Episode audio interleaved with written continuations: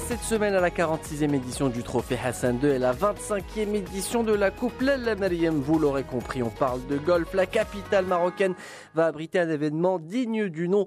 Deux événements fondés respectivement en 1971 et 1993 et qui constituent des étapes majeures de l'European Tour et du Ladies European Tour. Organisé par l'association du Trophée Hassan de De Golf, les deux tournois bénéficient chaque année d'une retransmission télévisée qui touche plus de 650 millions de foyers sur les cinq continents. Pour nous parler de cet événement mythique, Mustafa Zine, vice-président de l'association du Trophée Hassan II. Vous savez, je pense que l'expertise actuellement de, de la TH, de l'association du Trophée Hassan II, c'est une expertise qui est vraiment reconnue dans le monde entier. Et pouvez, si vous êtes sur place, poser la question à l'European Tour et au Ladies European Tour qui vous confirmeront que l'organisation est extraordinaire. Pour revenir aux choses des joueurs, vous savez, il va y avoir euh, quelques grands noms euh, de, du golf mondial, après une quarantaine de nationalités. Et c'est valable aussi bien pour les hommes que pour les femmes. Il va y avoir évidemment l'ancien détenteur de l'ancienne édition, euh, Alexandre Lévy, mais il va y avoir aussi Thomas Brown, Justin Hilton, JD qui vient de Thaïlande et, même euh, Andy Sullivan qui vient d'Angleterre, vous allez avoir euh, un son important. Et les boxeurs masculins, nous allons avoir, comme vous le savez, la, la, TH et la fédération classent les joueurs en fonction de leur performance annuelle.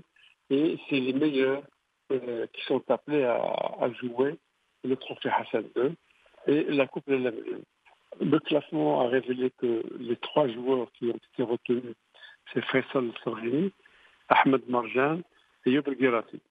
Et chez les amateurs, c'est Ayoub Saadi et Rahman Rose. Voilà grosso modo pour, pour, les joueurs.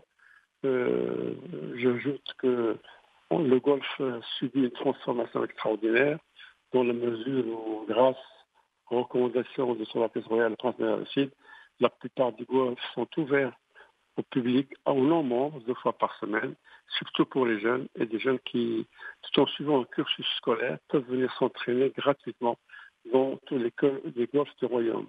Parmi les jeunes, il y a le dernier que le mené, c'est celui de, qui vient de naître à un golf qui, comme vous le savez, euh, n'est même pas un nom. Eh bien, une vingtaine de jeunes sont réunis euh, grâce euh, au golf de l'IFRAN. Ils sont une vingtaine, ils s'entraînent, ils ont un moniteur à leur disposition. Ils sont des douars environnants et c'est un plus pour le golf et j'espère que ça drainera beaucoup de monde. Au total, 156 joueurs de différentes nationalités participeront à la 46e édition du Trophée Hassan II, ce qui promet un spectacle exceptionnel sur le parcours rouge du Royal Golf Dar Salam. Dans le même temps, il y aura la Coupe La Mariam sur le parcours bleu, la 25e édition qui va connaître la participation de l'élite du golf féminin. Mariam Lemsuger, porte-parole de la Coupe La Mariam. Pour la 25e euh, édition, donc euh, le Royal Golf Salam euh, accueille encore une fois de grandes joueuses sur le circuit circuit euh, européen. Donc euh, il faut dire que ce tournoi est devenu un, rendez-vous euh, incontournable du circuit. Alors nous allons retrouver sur le parcours bleu Laura Davis, Trish Johnson, Becky Brewerton, Jenny Hagland, la tenante du titre, Florentina Parker, et bien sûr euh, Maha donc la joueuse marocaine, accompagnée de deux joueuses amateurs, donc marocaine, Lina Belmonté et, Ntissar euh, Rich qui vont, qui vont aussi jouer euh, ce tournoi. Voilà donc euh, une belle semaine de golf s'annonce à Rabat, quatre jours de haut niveau avec pour objectif de s'inscrire dans le palmarès de deux compétitions mythiques.